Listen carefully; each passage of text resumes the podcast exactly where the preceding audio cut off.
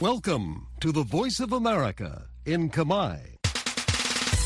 Direct from Washington, the voice of America, VOA.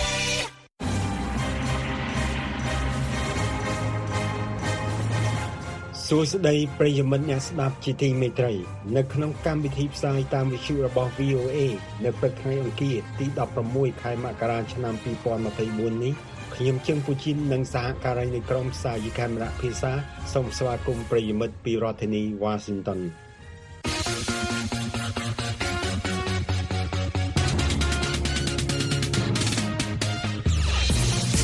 នៅក្នុងការផ្សាយរបស់ VOA នៅវេលាព្រឹកនេះយើងខ្ញុំមានសេចក្តីរាយការណ៍អំពីលោក Blinken បញ្ចប់ដំណើរទស្សនកិច្ច9ប្រទេសនៅតំបន់មជ្ឈមបូព៌ាទំនាក់ទំនងកម្ពុជាបារាំងកាន់តែរឹងមាំខណៈបញ្ហាសិទ្ធិមនុស្សនិងប្រជាធិបតេយ្យនៅតែជាកង្វល់ គណៈបកប្រឆាំងថាมันបានប្រព្រឹត្តខុសច្បាប់ខណៈមានការព្រមានរំលាយពីក្រសួងមហាផ្ទៃតុលាការផ្ដន្ទាទោសមន្ត្រីសមាគមកសិករដាក់ពន្ធនាគារ5ឆ្នាំប៉ុន្តែទោសត្រូវព្យួរហើយនឹងសេចក្តីរាយការណ៍អំពីកងយោធាមីយ៉ាន់ម៉ាថាខ្លួននឹងក្រុមទ័ពឆ្លូបជនជាតិភៀតតិចបានយល់ស្របគ្នាឲ្យមានបទឈប់បាញ់គ្នាជាបន្តបន្ទាប់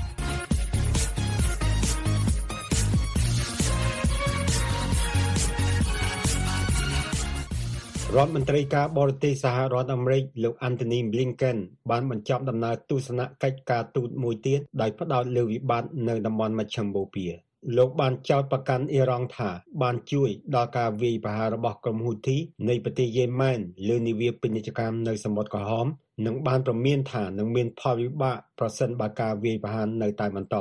អ្នកស្រី Cindy Sen អ្នកឆ្លើយឆ្លងព័ត៌មានការទូតជាន់ខ្ពស់នៃ VOA រាយការណ៍អំពីរឿងនេះពីក្រសួងការបរទេសអាមេរិក អ្នកនាងស្រីលក្ខណៈជួនសេចក្តីប្រែសម្រួលដូចតទៅរដ្ឋមន្ត្រីការបរទេសអាមេរិកលោក Anthony Blinken បានបញ្ចប់ដំណើរទស្សនកិច្ច9ប្រទេសនៅមជ្ឈមបូព៌ាកាលពីថ្ងៃទី11ខែមករា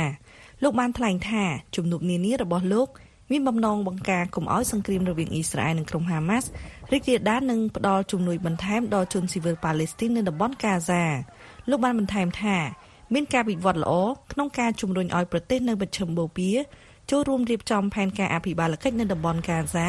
នៅពេលដែលដែលប្រតិបត្តិការរបស់អ៊ីស្រាអែលប្រឆាំងនឹងក្រុមហាម៉ាស់បានបញ្ចប់ The other, uh, the other path is ជំរឿនមួយទៀតគឺត្រូវបន្តមើលអំពើភេរវកម្មលទ្ធិបដិវត្តន៍ការបំផ្លិចបំផ្លាញដោយក្រុមហាម៉ាស់ដោយក្រុមហ៊ូធីដោយក្រុមហេបូឡាដែលសុទ្ធតែគ្រប់គ្រងដោយអ៊ីរ៉ង់ប្រសិនបើអ្នកជ្រើសយកជំរឿនទី1ប្រសិនបើអ្នកបង្កើតឲ្យមានសមារណកម្មនោះប្រសិនបើអ្នកនាំអ៊ីស្រាអែលចូលតុចរចា ប្រសិនបើអ្នកធ្វើការបដិញ្ញាចិត្តជាចាំបាច់ចំពោះសន្តិសុខហើយជ្រើសយកជំរឿនដែលមានរដ្ឋប៉ាឡេស្ទីននោះជាវិធីដ៏ល្អបំផុតតែមួយគត់ដើម្បីធ្វើឲ្យអ៊ីរ៉ង់នៅឯកោដើម្បីកាត់បន្ថយអំណាចរបស់អ៊ីរ៉ង់និងក្រុមតំណាងអ៊ីរ៉ង់ដែលកំពុងបង្កបញ្ហាជាច្រើនដល់យើងនិងដល់មនុស្សគ្រប់រូបនៅក្នុងតំបន់នេះលោក Blinken បានថ្លែងថាលោកបានប្រាប់ថ្នាក់ដឹកនាំអ៊ីស្រាអែលថាប្រទេសផ្សេងទៀតនៅក្នុងតំបន់រីករាយក្នុងការផ្ដល់ការធានាផ្នែកសន្តិសុខសម្រាប់អ៊ីស្រាអែលប៉ុន្តែលុះត្រាតែអ៊ីស្រាអែល មានឆន្ទៈគ្រប់គ្រងការបង្កើតរដ្ឋប៉ាឡេស្ទីនរដ្ឋាភិបាលអ៊ីស្រាអែលបច្ចុប្បន្នបានប្រឆាំងយ៉ាងខ្លាំងចំពោះការបង្កើតរដ្ឋប៉ាឡេស្ទីននេះសូម្បីតែមុនការវាយប្រហាររបស់ក្រុមហាម៉ាស់ទៅលើអ៊ីស្រាអែលកាលពីថ្ងៃទី7ខែតុលាទៅទៀតការវាយប្រហាររបស់អ៊ីស្រាអែលទៅលើក្រុមហាម៉ាស់បានធ្វើឲ្យមនុស្សភាគច្រើននៅក្នុងចំណោម2លាន3សែននាក់នៅក្នុងតំបន់កាហ្សាភៀសខ្លួនពីផ្ទះសម្បែងនិងប្រជាជនប៉ាឡេស្ទីនជាង23,300នាក់ស្លាប់នេះបើយោងតាមក្រសួងសុខាភិបាលតំបន់កាហ្សា ដែលគ្រប់គ្រងដោយក្រុមហាម៉ាស់ដោយមានភាពតានតឹងខ្លាំងនៅក្នុងតំបន់រួចទៅហើយ អ៊ីរ៉ង់បានរឹបអូសកប៉ាល់ដឹកប្រេងនៅឈូងសមុទ្រអូម៉ង់កាលពីថ្ងៃទី11ខែមករាដោយថានេះគឺជាការសងសឹកចំពោះសហរដ្ឋអាមេរិកដែលបានរឹបអូសកប៉ាល់ដឹកប្រេងរបស់ខ្លួនកាលពីឆ្នាំមុនអ្នកនាំពាក្យរងក្រសួងការបរទេសអាមេរិកលោក Vedant Patel បានថ្លែងថា The Iranian government must immediately រដ្ឋាភិបាលអ៊ីរ៉ង់ត្រូវដោះលែងកប៉ាល់និងក្រុមនាវិកជាបន្ទាន់ការរឹបអូសកប៉ាល់ពាណិជ្ជកម្មដោយខុសច្បាប់នេះគឺជាសកម្មភាពថ្មីចុងក្រោយបង្អស់របស់អ៊ីរ៉ង់ ឬជំរុញដោយអ៊ីរ៉ង់ក្នុងបំណងបង្អាក់ដល់ពាណិជ្ជកម្មអន្តរជាតិលោក Alex Patenka ប្រធានកម្មវិធីអ៊ីរ៉ង់នៃអង្គការ Middle East Institute ថាការរឹបអូសរបស់អ៊ីរ៉ង់នៅកប៉ាល់ដឹកប្រេងនោះទំនងជាផ្នែកមួយនៃការសងសឹករវាងសហរដ្ឋអាមេរិកនិងអ៊ីរ៉ង់ So I'm more likely at this point to be inclined to say this was an opportunity that they just ខ្ញុំ couldn't. អាចនិយាយបានថានេះជាឱកាសមួយដែលពួកគេមិនអាចរំលងបានកប៉ាល់ដឹកប្រេងនោះបានត្រឡប់មកក្នុងតំបន់វិញនិងនៅមិនឆ្ងាយពីដែនទឹករបស់អ៊ីរ៉ង់ ដូច្នេះអ៊ីរ៉ង់ក៏បានរឹបអូសយកកប៉ាល់នោះទៅលោកវ៉ាថេងខាថាទាំងអាមេរិកនិងអ៊ីរ៉ង់សុទ្ធតែមិនចង់ឃើញសង្គ្រាមរវាងអ៊ីស្រាអែលនិងក្រុមហាម៉ាស់រីករាលដាលនៅក្នុងតំបន់មជ្ឈមបូព៌ាពីរដ្ឋធានី Washington ខ្ញុំស្រីលក្ខិណា VOA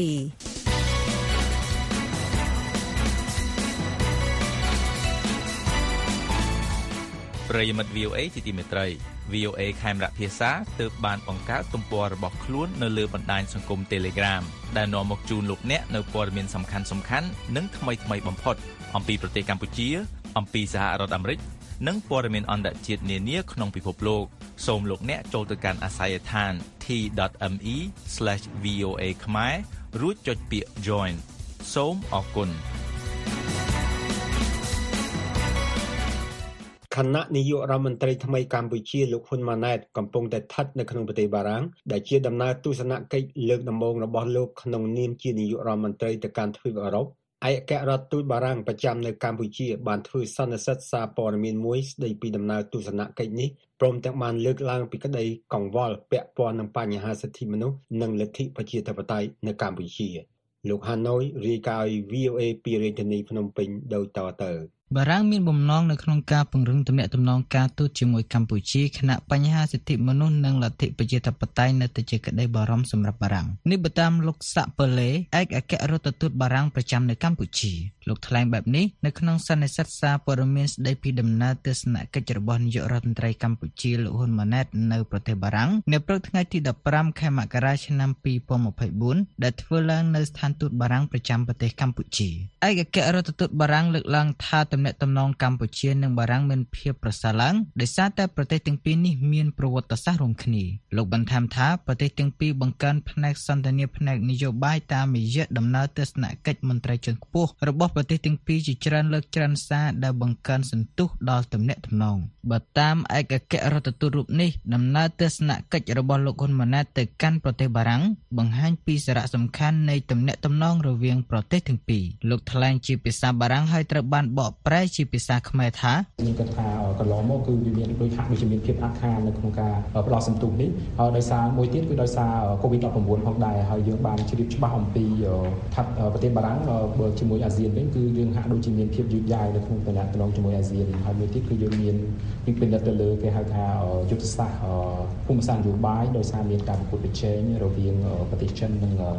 សហរដ្ឋអាមេរិកហើយយើងបានកលេចមកមើលខាងអាស៊ីហើយនិងអាស៊ាននេះគឺយើងមានគេហៅថាឆន្ទៈមួយចង់សេចក្ដីសហប្រតិបត្តិការជាមួយប្រទេសកម្ពុជាដោយជាមួយដោយលក្ខដោយសារប្រទេសកម្ពុជាគឺយើងមានតំណែងតំណងជាយូរមកហើយជាមួយប្រទេសបើតាមលោកសង់ពើលេដំណើរទស្សនកិច្ចរបស់នាយករដ្ឋមន្ត្រីថ្មីកម្ពុជានេះគឺដើម្បីពង្រឹងទំនុកចិត្តរវាងប្រទេសទាំងពីរពាក់ព័ន្ធនឹងផ្នែកសិទ្ធិមនុស្សនិងលទ្ធិប្រជាធិបតេយ្យឯកអគ្គរដ្ឋទូតរូបនេះលើកឡើងថាបារាំងនៅតែព្រួយបារម្ភពាក់ព័ន្ធនឹងការអនុវត្តលទ្ធិប្រជាធិបតេយ្យនិងសិទ្ធិមនុស្សនៅកម្ពុជានិងថាបញ្ហាទាំងនេះត្រូវតែស្ថិតនៅក្នុងផ្នែកនៃការពិភាក្សារវាងកម្ពុជានិងបារាំងថ្លែងនៅក្នុងពិធីសំណេះសំណាលជាមួយសហគមន៍ខ្មែររស់នៅក្នុងទ្វីបអឺរ៉ុបកាលពីថ្ងៃទី14ខែមករាឆ្នាំ2024លោកហ៊ុនម៉ាណែតលើកឡើងថាដំណើរទស្សនកិច្ចរបស់លោកទៅប្រទេសបារាំងនេះគឺដើម្បីបញ្ជាក់ពីចំណងទំនាក់ទំនងរវាងប្រទេសកម្ពុជានិងបារាំងនិងថាទំនាក់ទំនងរវាងប្រទេសទាំងពីរមានលក្ខណៈពិសេសសម្ដៅបានបញ្ជាក់ឲ្យឃើញថា បារាំងបានវាយតម្លៃនិងផ្ដល់តម្លៃចំពោះទំនាក់ទំនងការទូតទំនាក់ទំនងនយោបាយនិងសេដ្ឋកិច្ចរវាងកម្ពុជានិងបារាំងហើយនេះគឺជាបូតនភាពរបស់យើងហើយយើងក៏ផ្ដោតនៅការឆ្លើយតបស្មើភាពគ្នាទំនាក់ទំនងរវាងកម្ពុជាបារាំងដែលមានជាយូរមកហើយហើយជាទំនាក់ទំនងប្រវត្តិសាស្ត្រដែលយើងត្រូវបន្តពូនជ្រុង បើតាមឯកអគ្គរដ្ឋទូតបារាំងប្រចាំនៅកម្ពុជា កាលពីឆ្នាំ2023ទីភ្នាក់ងារបារាំងសម្រាប់ការអភិវឌ្ឍបានផ្ដល់ហិរញ្ញប្បទានជាង200លានអឺរ៉ូសម្រាប់គម្រោងនានានៅកម្ពុជា ជាពិសេសការកសាងហេដ្ឋារចនាសម្ព័ន្ធទឹកស្អាតការបណ្ដុះបណ្ដាលវិជ្ជាជីវៈនិងធម្មពលអ្នកជំនាញផ្នែកភូមិសាស្ត្រនយោបាយអន្តរជាតិលោកសេងវ៉ាន់លីប្រាប់ VOA ថាទំនាក់ទំនងកម្ពុជានិងបារាំងមានលក្ខណៈពិសេសគួរឲ្យកត់សម្គាល់ដោយសារតែមានប្រវត្តិសាស្ត្ររួមគ្នាលោកបន្ថែមថាដំណើរទស្សនកិច្ចរបស់លោកហ៊ុនម៉ាណែតបង្ហាញពីសារៈសំខាន់របស់បារាំងនៅក្នុងការអភិវឌ្ឍវិស័យសេដ្ឋកិច្ចនិងសង្គមក្នុងប្រទេសកម្ពុជាខ្ញុំគិតថាដំណើរទស្សនកិច្ចនេះប្រហែលជាមិនឃ្លាតឆ្ងាយចេញអំពីការជំរុញកិច្ចសកម្មភាពសេដ្ឋកិច្ចសង្គមហើយនិងវប្បធម៌ក៏ដូចជាតេតិញបន្ថែមនៅក្រុមហ៊ុនវិទ្យុរបស់បារាំងឲ្យមកវិនិយោគក្នុងវិស័យហេដ្ឋារចនាសម្ព័ន្ធក៏ដូចជាក្នុងវិស័យឧស្សាហកម្ម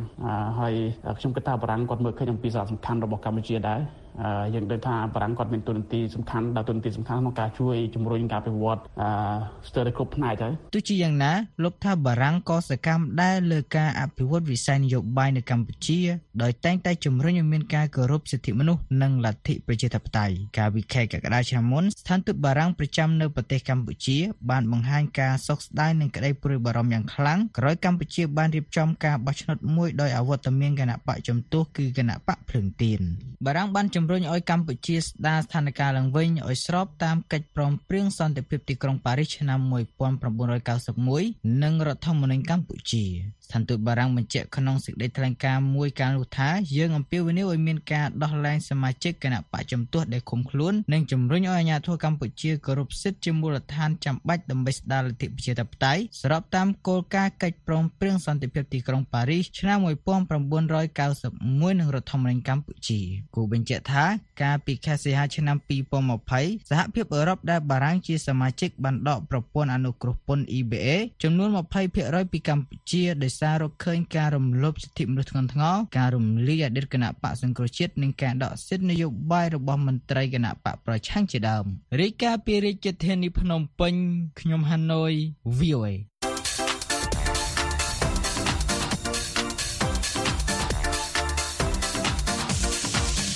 ប្រិមិត្ត VOA ជាទីមេត្រីតើលោកអ្នកចង់ដឹងពីប្រធានបទអ្វីខ្លះ VOA បានបង្កើតទំព័របទសម្ភាសដែលលោកអ្នកអាចស្ដាប់ការពិភាក្សានិងការបកស្រាយរបស់អ្នកជំនាញលើប្រធានបទផ្សេងៗដូចជាកសិកម្មសេដ្ឋកិច្ចការអប់រំប្រវត្តិសាស្ត្របរិស្ថានសិល្បៈវប្បធម៌ចរាចរណ៍និងការទទួលបានអាហារូបករណ៍ទៅសិក្សានៅបរទេសជាដើមដើម្បីស្ដាប់បទសម្ភាសទាំងនេះសូមចូលទៅកាន់គេហទំព័រ khmer.voanews.com រួ ចរកមើលពាក្យបទសម្ភាសនៅផ្នែកខាងក្រៅបំផុតនៃគេហទំព័រនេះ។។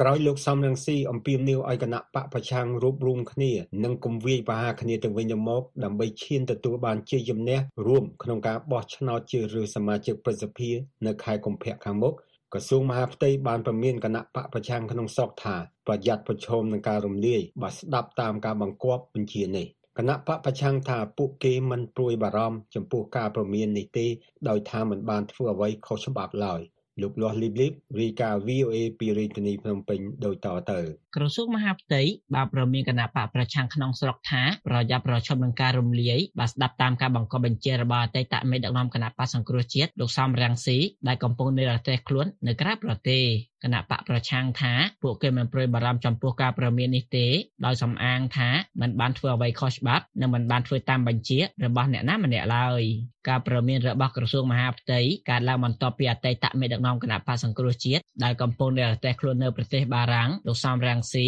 បានអំពាវនាវឲ្យគណៈបកភ្លើងទៀនគណៈបកកម្លាំងជាតិនិងគណៈបកឆន្ទៈខ្មែររួបរวมគ្នាដោយកុំវាប្រហារគ្នាទៅវិញទៅមកនិងត្រូវចែកទូនាទីគ្នាដើម្បីទទួលបានជ័យជំនះរួមដែលនឹងកើតចេញពីការបោះឆ្នោតជ្រើសរើសសមាជិកប្រសិទ្ធិនាថ្ងៃទី25ខែកុម្ភៈឆ្នាំ2024ខាងមុខ រដ្ឋលេខាធិការនិងជាអ្នកនាំពាក្យក្រសួងមហាផ្ទៃលោកខៀវសូភ័ក្រប្រាប់ VOA នៅថ្ងៃច័ន្ទនេះថាការចេញលិខិតកាលពីសប្តាហ៍មុនជាការប្រមានទុកជាមុនប្រសិនបើគណៈបកណាមួយធ្វើតាមការបញ្ជារបស់លោកសំរងស៊ីដែលបែងចែកមណ្ឌលគ្នានោះក្រសួងមហាផ្ទៃនឹងធ្វើតាមច្បាប់ដែលអាចប្តឹងរំលាយគណៈបកនោះប្រសិនបើគ្មានការយកអនុវត្តតាមនេះយើងក៏មិនចេញទៅរបៀបទៅដែរធម្មតារបៀបហ្នឹងក៏ឃើញកម្មភាពដែរយ៉ាងទេក្នុងន័យនេះគឺសួងផ្ទៃចេញពី ការប្រមានឲ្យដឹងមុនដើម្បីដល់ពេលទៅគឺប្រឹងរលាយទៅថាគេបានប្រាប់មុនបាទតាមសេចក្តីប្រកាសរបស់ក្រសួងមហាផ្ទៃចុះថ្ងៃទី12ខែមករាឆ្នាំ2024ការខົບខិតជាមួយតនដិតជាប់ទោសពីបទអ ுக ្រិតឬពីបទមជ្ឈិមឲ្យធ្វើសកម្មភាពណាមួយដើម្បីជាផលប្រយោជន៍នយោបាយសម្រាប់គណៈបណ្ឌនយោបាយរបស់ខ្លួនគឺជាសកម្មភាពដែលហាមឃាត់ដែលមានចែងក្នុងមាត្រា6ថ្មី2នៃច្បាប់ស្តីពីគណៈបកនយោបាយក្នុងសេចក្តីប្រកាសព័ត៌មានដដែលនោះក្រសួងមហាផ្ទៃក៏បានប្រមានដែលភ្ជាប់មកជាមួយខ្លឹមសារនៃមាត្រា44ថ្មី2នៃច្បាប់ស្តីពីគណៈបកនយោបាយដោយថាគណៈបកនយោបាយដែលប្រព្រឹត្តល្មើសនិងមាត្រា6ថ្មី2អាចប្រឈមនឹងការផ្អាកសកម្មភាព5ឆ្នាំឬប្រឈមមុខនឹងការរំលាយដោយតុលាការក្រោយការព្រមានរបស់ក្រសួងមហាផ្ទៃគណៈបកភ្លើងទៀនកាលពីថ្ងៃទី13ខែមករាបានចេញសេចក្តីថ្លែងការណ៍មួយដោយប្រកាសបដិសេធថាខ្លួនមិនពាក់ព័ន្ធនឹងបុគ្គលទាំងឡាយណាដែលជាទណ្ឌិតជាប់ទោសពីបទអក្រិតឬបទមិនឆំឡើយ លោកលីសុធិរាយុទ្ធអគ្គលេខាធិការគណៈបកភ្លើងទៀនប្រាប់ VOA នៅថ្ងៃច័ន្ទនេះថាគណៈបកភ្លើងទៀនមិនបានទទួលការបង្គាប់បញ្ជាពីបុគ្គលណាម្នាក់ឡើយលោកថាគណៈបកភ្លើងទៀនតែងតែធ្វើតាមលក្ខន្តិកៈគណៈបកដែលបាននំកល់នៅក្រសួងមហាផ្ទៃដូច្នេះគណៈបកមិនព្រួយបារម្ភទាក់ទងនឹងការប្រមាននេះទេរាល់បញ្ហាតូចធំទាំងឡាយនៅក្នុងបកយើងតែងតែមានអធិបតេយ្យភាពនិងឯករាជ្យភាពរបស់ខ្លួននៅក្នុងការពិភាក្សាហើយនឹងធ្វើការសម្រេចចិត្តនៅក្នុងចំណោមថ្នាក់នាំរបស់គណៈបកភ្លើងទៀនយើងគណៈបកភ្លើងទៀនមិនទទួលនៅ បទបញ្ជាឬក៏បញ្ជាឬក៏ការណែនាំផ្នែកនយោបាយពីអ្នកណាម្នាក់ទាំងនៅក្នុងទាំងក្នុងប្រទេសទាំងនៅក្រៅប្រទេសលោកអេងឆៃអៀងអតីតអនុប្រធាននៃគណៈបកសង្គ្រោះជាតិដែលកំពុងនៅប្រទេសខ្លួននៅក្រៅប្រទេសបានបង្ហោះសេចក្តីព្រមានរបស់ក្រសួងមហាផ្ទៃភ្ជាប់ជាមួយសារអសរកាលពីថ្ងៃទី12ខែមករាថាសូមជូនយោបល់ទៅមេដឹកនាំនយោបាយប្រឆាំងនៅក្នុងប្រទេសកម្ពុជាប្រសិនបើភ័យខ្លាចការគំរាមរបស់ក្រសួងមហាផ្ទៃគួរលាឈប់ពីនយោបាយបកប្រឆាំងព្រោះប្រជាពលរដ្ឋនឹងមិនបោះឆ្នោតដោយគណៈបកដែលមានមេដឹកនាំភ័យខ្លាចនោះទេ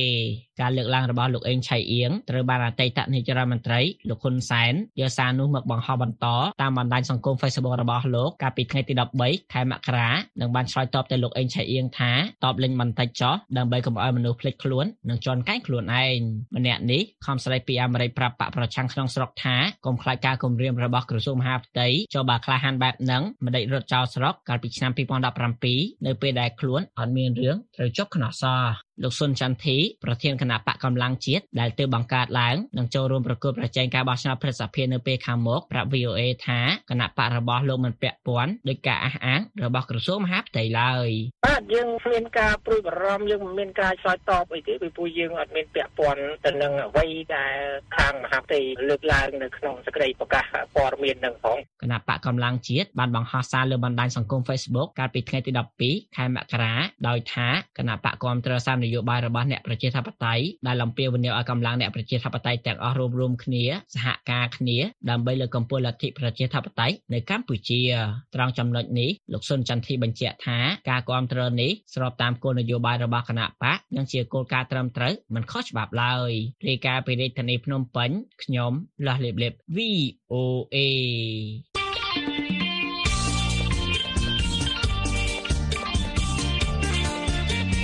លោកអ្នកនាងកំពុងតែស្ដាប់ការផ្សាយរបស់ VOA សម្លេងសាររដ្ឋអាមេរិកពីរដ្ឋធានី Washington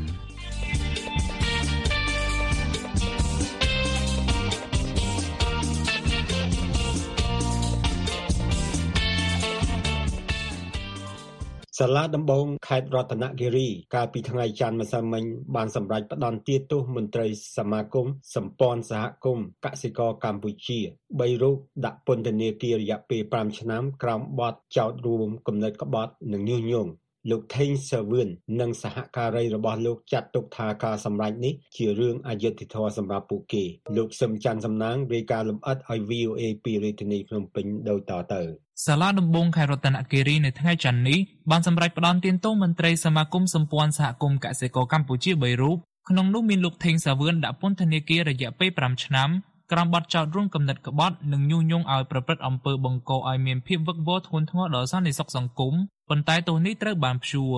នេះបើតាមការបញ្ជាក់របស់អ្នកនាំពាក្យសាលាដំបងខេត្តរតនគិរីលោកថេងសាវឿនប្រធានសមាគមសម្ព័ន្ធសហគមន៍កសិករកម្ពុជានិងសហការីចាត់ទុកសារក្រមរបស់តុលាការជារឿងអយុត្តិធម៌មួយលោកកៅពិសិដ្ឋអ្នកនាំពាក្យសាលាដំបងខេត្តរតនគិរីប្រាប់ VOA តាមប្រព័ន្ធទំនាក់ទំនង Telegram ថា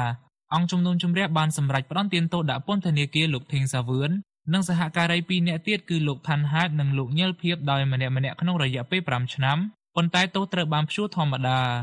លោកថេងសាវឿនប្រធានសមាគមសម្ព័ន្ធកសិករកម្ពុជាប្រាប់ VOA នៅថ្ងៃច័ន្ទនេះថា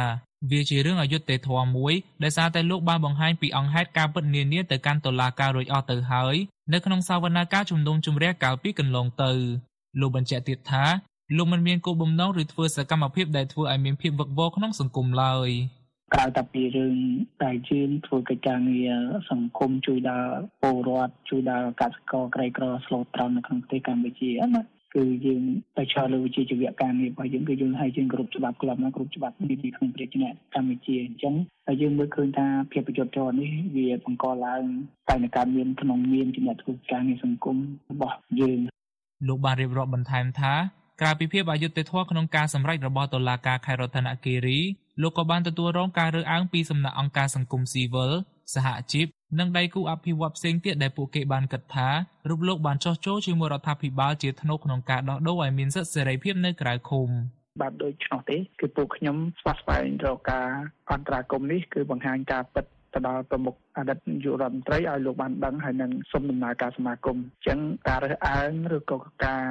នេះបង្កើតនៅភាពអយុត្តិធម៌កាន់តែជឿចាប់វាវាមិនបានលើកទឹកចិត្តដល់អ្នកដែលហ៊ានធ្វើការងារសកម្មដើម្បីការពារពលរដ្ឋសូត្រង់ពិសេសការពារសិទ្ធិដីធ្លីការពារកសិករដែលពួកខ្ញុំបានខិតខំធ្វើកន្លងមកនោះទេលោកធីងសាវឿនបញ្ជាក់ដែរថាលោកនិងសហការី2នាក់ទៀតនឹងប្តឹងទាស់នឹងការសម្រេចរបស់សាលាដំបងខេត្តរតនគិរីនេះទៅសាលាឧទ្ធរខេត្តត្បូងឃ្មុំ លោកញិលភៀបមន្ត្រីចុងក្រងនឹងតស៊ូមតិនៃសមាគមសម្ព័ន្ធសហគមន៍កសិករកម្ពុជាដែលជាជនជាប់ចោទមួយទៀតនៅក្នុងសំណុំរឿងនេះក៏លើកឡើងដូចគ្នាថាសាលក្រមផ្ដន្ទាទោសរូបលោកបង្ហាញពីភាពអយុត្តិធម៌ខ្លាំងសម្រាប់លោកនិងក្រុមការងារលោកបញ្ជាក់ដែរថាលោកមិនដែលមានគំនិតអ្វីដើម្បីបំផ្លាញឬរួមគំនិតក្បត់ឡើយហើយរាល់ការងារដែលលោកធ្វើគឺដើម្បីតែប្រទេសជាតិនិងប្រជាពលរដ្ឋតែប៉ុណ្ណោះ អញ្ចឹងខ្ញុំគិតថារឿងនេះគឺជារឿងអយុត្តិធម៌បំផុតដែលវាមិនមែនជាចេតនារបស់ខ្ញុំវាមិនមិនមែនជាសកម្មភាពដែលស្ដែងចេញអំពីខ្ញុំហើយខ្ញុំគ្មាននិយាយទៅគ្មានចូលរួមនៅក្នុងកិច្ចការណាមួយដែលបំផ្លាញជាតិដល់ថ្នាក់មានទោសរបស់ជាតិហើយជាប់ពន្ធនាគាររយៈពេល5ឆ្នាំហើយនោះគឺជារឿងអយុត្តិធម៌បំផុតហើយលោកថេងសាវឿននិងសហការីរបស់លោកពីរនាក់ គឺលោកឋានហាជមន្ត្រីសម្របសម្រួលសហគមន៍និងលោកញិលភៀបមន្ត្រីជាន់ខ្ពស់នៃសមាគមត្រូវបានសមត្ថកិច្ចខេត្តក្រចេះឃាត់ខ្លួនកាលពីថ្ងៃទី17ខែឧសភាឆ្នាំ2023ក្រោមការបញ្ជារបស់ស្នងការនគរបាលខេត្តរតនគិរីក្រោយបញ្ចប់វគ្គបណ្ដុះបណ្ដាលមួយនៅក្នុងខេត្តរតនគិរីអញ្ញាធមមូលដ្ឋាននៅទីនោះសង្ស័យថាសមាគមរបស់លោកធីងសាវឿនបានលួចប្រជុំក្នុងសន្តាគារមួយក្នុងទីក្រុងបានលុងហើយបានរៀបចំផែនការធ្វើបដិវត្តកសិករ តុលាការបានសម្រេចឃុំខ្លួនពួកគេបណ្ដោះអាសន្នក្រោយមក កាលពីចុងខែឧសភាឆ្នាំ2023តុលាការខេត្តរតនគិរីបានសម្រេចដោះលែងពួកគេទាំង3នាក់ឲ្យនៅក្រៅឃុំបណ្ដោះអាសន្នបន្ទាប់ពីលោកថេងសាវឿនបានចេញសារជាលិខិតនិងវីដេអូប្រកាសទទួលស្គាល់កំហុសក្នុងសំណុំរឿងចោទប្រកាន់បដិវត្តកសិករនិងកិច្ចអន្តរាគមន៍ពីអតីតនាយករដ្ឋមន្ត្រីលោកហ៊ុនសែននាយកទទួលបន្ទុកកិច្ចការទូតនៃអង្គការការពារសិទ្ធិមនុស្សលីកាដូលោកអំសំអាតប្រាប់ VOA ថា សាលក្រមសាលាដំបងខេត្តរតនគិរីគឺជាការដាក់បន្ទុកបន្ថែមទៅលោកថេងសាវឿននិងសហការីពីររូបទៀតដែលលោកថានៅក្នុងសិក្ខាសាលាតែងតែមានការជជែកដេញដោលគ្នាខុសពីការចោទប្រកាន់តែទីបំផុតអ្នកទាំង3ត្រូវបានសាលាការប្រកាសអន្តទោស5ឆ្នាំហើយទោះបីជាទោសនឹងខ្ជូរក៏ដោយក៏វាប៉ះពាល់ដែរសម្រាប់ការងាររបស់គាត់ទោះត្រូវបានសាលាការអន្តទោសរួចទៅហើយដោយថាខ្ជូរក៏ដោយ អញ្ចឹងវាវាធ្វើឲ្យសកម្មភាពការងារនិងការបំពេញការងាររបស់គាត់វាអត់បានពេញលេញទេលោកអំសំអាតបន្ថែមថាសារក្រមមួយនេះក៏ជាសារណែនាំទៅអង្គការសង្គមស៊ីវិលផ្សេងទៀតឲ្យមានការប្រុងប្រយ័ត្នក្នុងការអនុវត្តសកម្មភាពការងាររបស់ពួកគេឲ្យបានត្រឹមត្រូវផងដែររីកាប្រជាធានីភ្នំពេញខ្ញុំសំច័ន្ទសំណាង VOA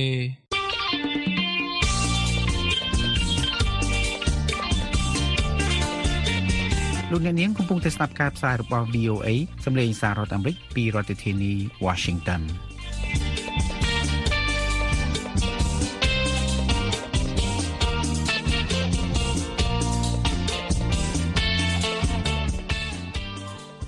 កងយោធាមីយ៉ាន់ម៉ានិយាយថាខ្លួននឹងក្រុមទ័ពឆ្លូបជនជាតិភៀតតិចបានយល់ស្របគ្នាឲ្យមានកិច្ចឈប់បាញ់គ្នាជាបន្ត កិច្ចព្រមព្រៀងនេះមានឡើងនៅកិច្ចចរចាសម្របសម្រួលដោយប្រទេសចិនអ្នកនាងស្រីលក្ខណៈជួនសេចក្តីប្រាយសម្រួលរបស់ទីភ្នាក់ងារព័ត៌មាន AP ដូចតទៅក្រសួងការបរទេសចិនបានដឹងការពីថ្ងៃសុក្រទី12ខែមករាថាកងយោធានៃប្រទេសមីយ៉ាន់ម៉ាបានសម្រេចកិច្ចព្រមព្រៀងមួយជាមួយសម្ព័ន្ធភាពមួយនៃក្រមតបឆ្លបជនជាតិភៀតតិចដែលយោធាបានប្រយុទ្ធប្រឆាំងនៅក្នុងផ្នែកអេសានប្រទេស រដ្ឋាភិបាលយោធាមីយ៉ាន់ម៉ាបានបញ្ជាក់ថាព្រឹត្តិការណ៍នេះបានកើតមានមែនអ្នកនាំពាក្យក្រសួងការបរទេសចិនលោកស្រីម៉ៅនីងបាននិយាយថាកិច្ចព្រមព្រៀងនេះបានសម្រេចនៅក្នុងកិច្ចចរចាសម្របសម្រួលដោយប្រទេសចិននៅថ្ងៃទី10និងទី11ខែមករានៅក្នុងទីក្រុងខុនមីងទីរួមខេត្តមួយរបស់ប្រទេសចិនដែលស្ថិតនៅចម្ងាយប្រមាណ400គីឡូម៉ែត្រពីព្រំដែនមីយ៉ាន់ម៉ាអ្នកស្រីបានថ្លែងនៅក្នុងសន្និសីទកាសែតប្រចាំថ្ងៃនៅក្នុងទីក្រុងប៉េកាំងថា ចិនសង្ឃឹមថាភាគីពាក់ព័ន្ធនៅមីយ៉ាន់ម៉ាអាចអនុវត្តកិច្ចព្រមព្រៀងនេះដោយយកចិត្តទុកដាក់មានការទប់ចិត្តជាអតិបរមាចំពោះគ្នាទៅវិញទៅមកនិងដោះស្រាយបញ្ហាតាមរយៈការសន្ទនាគ្នានិងការពិគ្រោះយោបល់គ្នាលោកឧត្តមសេនីយ៍តូចមីងតុនអ្នកនាំពាក្យក្រុមប្រឹក្សាយោធាគ្រប់គ្រងប្រទេសបាននិយាយនៅក្នុងកំណត់សម្គាល់ជាសម្លេងទៅកាន់ពួកអ្នកកាសែតថាភាគីទាំងពីរបានជួបគ្នានៅក្នុងទីក្រុងខុនមីង ហើយនៅក្រៅការចរចាគ្នាបានយល់ស្របគ្នាអំពីកិច្ចព្រមព្រៀងឈប់បាញ់គ្នាបណ្ដោះអាសន្នមួយលោកចောមីនតុនថា យើងនឹងបន្តពិភាក្សាគ្នាយើងនឹងបន្តធ្វើការដើម្បីពង្រឹងកិច្ចបត់ឈប់បាញ់គ្នាកិច្ចព្រមព្រៀងឈប់បាញ់គ្នាមួយដែលត្រូវបានសម្រេចការពីពាក់កណ្ដាលខែធ្នូមិនត្រូវបានគោរពដោយភាគីណាមួយនោះទេអ្នកនាំពាក្យក្រសួងការបរទេសចិនអ្នកស្រីម៉ៅបានថ្លែងថា សម្ព័ន្ធភាព Three Brotherhood Alliance ដែលមានកងទ័ពសម្ព័ន្ធភាពប្រជាធិបតេយ្យជាតិមីយ៉ាន់ម៉ាកងរំដោះជាតិតាអាង និងកងទ័ពអារ៉ាខាន់បានយល់ស្របគ្នាឲ្យមានការឈប់បាញ់គ្នាជាបន្តមួយឲ្យមានការដកទាហាននិងការដោះស្រាយជម្លោះតាមរយៈកិច្ចចរចាគ្នាអ្នកស្រីម៉ានីងបានពោលថាភាគីទាំងពីរបានសន្យាថានឹងមិនបំផ្លាញសុវត្ថិភាពជនជាតិចិនរស់នៅក្នុងតំបន់ព្រំដែនគម្រោងការចិននិងបុគ្គលិកចិននៅមីយ៉ាន់ម៉ានោះទេ បណ្ដាញព័ត៌មានឯករាជ្យមីយ៉ាន់ម៉ាបណ្ដាញព័ត៌មានបរទេសនិងសេវាព័ត៌មានជាភាសាមីយ៉ាន់ម៉ាបានរាយការណ៍អំពីសេចក្តីលម្អិតស្រដៀងគ្នាប៉ុន្តែគ្មានពាក្យសម្ដីដោយផ្ទាល់ជាបន្ទាន់ពីសម្ព័ន្ធភាពនេះអំពីបទឈប់បាញ់គ្នានោះទេរបាយការណ៍បណ្ដាញព័ត៌មានបាននិយាយថាកងយោធាបានយល់ព្រមបញ្ឈប់ការទម្លាក់គ្រាប់បែកនិងបាញ់ផ្តក់ដោយកំភ្លើងធំនៅក្នុងរដ្ឋឆានដែលនៅជាប់ប្រទេសចិនចំណែកឯសម្ព័ន្ធភាព Three Brotherhood Alliance បានយល់ព្រមបញ្ឈប់ការវាយលុករបស់ខ្លួន និងមិនវាយយកទីក្រុងនិងទីតាំងយោធាថែមទៀតនោះទេរបាយការណ៍ទាំងនេះបានចែងថាបទឈប់បាញ់គ្នានេះនឹងមិនត្រូវអនុវត្តនៅក្នុងតំបន់ឯទៀតឯទៀតនៃប្រទេសមីយ៉ាន់ម៉ានោះទេ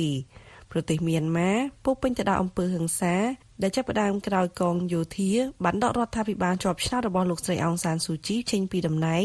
កាលពីខែកុម្ភៈឆ្នាំ2021 សម្ព័ន្ធភាព Three Brother Alliance បានវាយលុកប្រឆាំងនឹងកងយោធាកាលពីខែតុលាហើយបានគ្រប់គ្រងក្រុងលូកាង ដែលជាក្រុងសំខាន់មួយនៅជាប់ព្រំដែនចិនកាលពីសប្តាហ៍ទី1នៃខែមករាការវិប្រហារដោយសម្ព័ន្ធភាពនេះគឺជាឧបសគ្គធំបំផុតនៅលើសមរភូមិ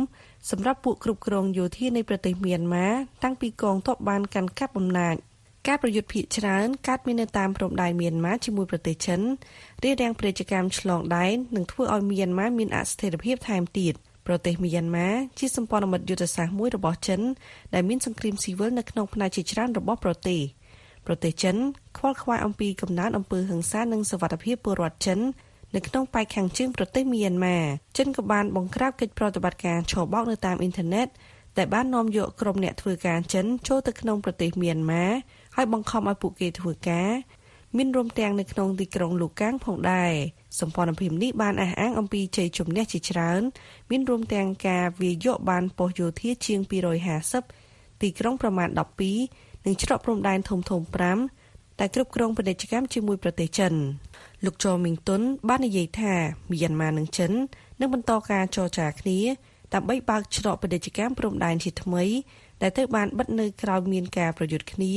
ហើយនៅពេលនេះច្រកព្រំដែនភាគច្រើនឬទាំងអស់ស្ថិតក្នុងកម្រិតដៃសម្ព័ន្ធភាព Three Brotherhood Alliance ពីរដ្ឋធានី Washington ខ្ញុំស្រីអ្នកខេណា VOA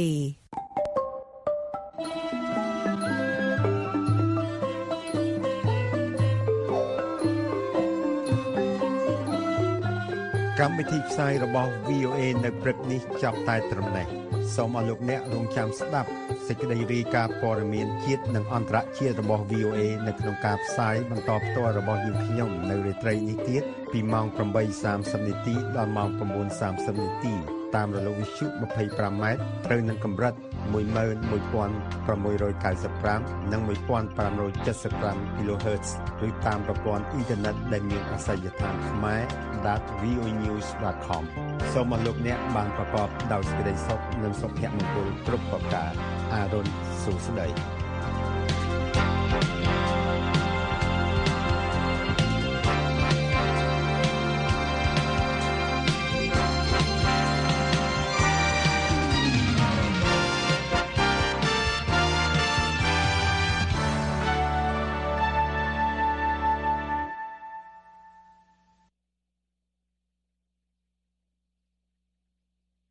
This program has come to you from the Voice of America, Washington.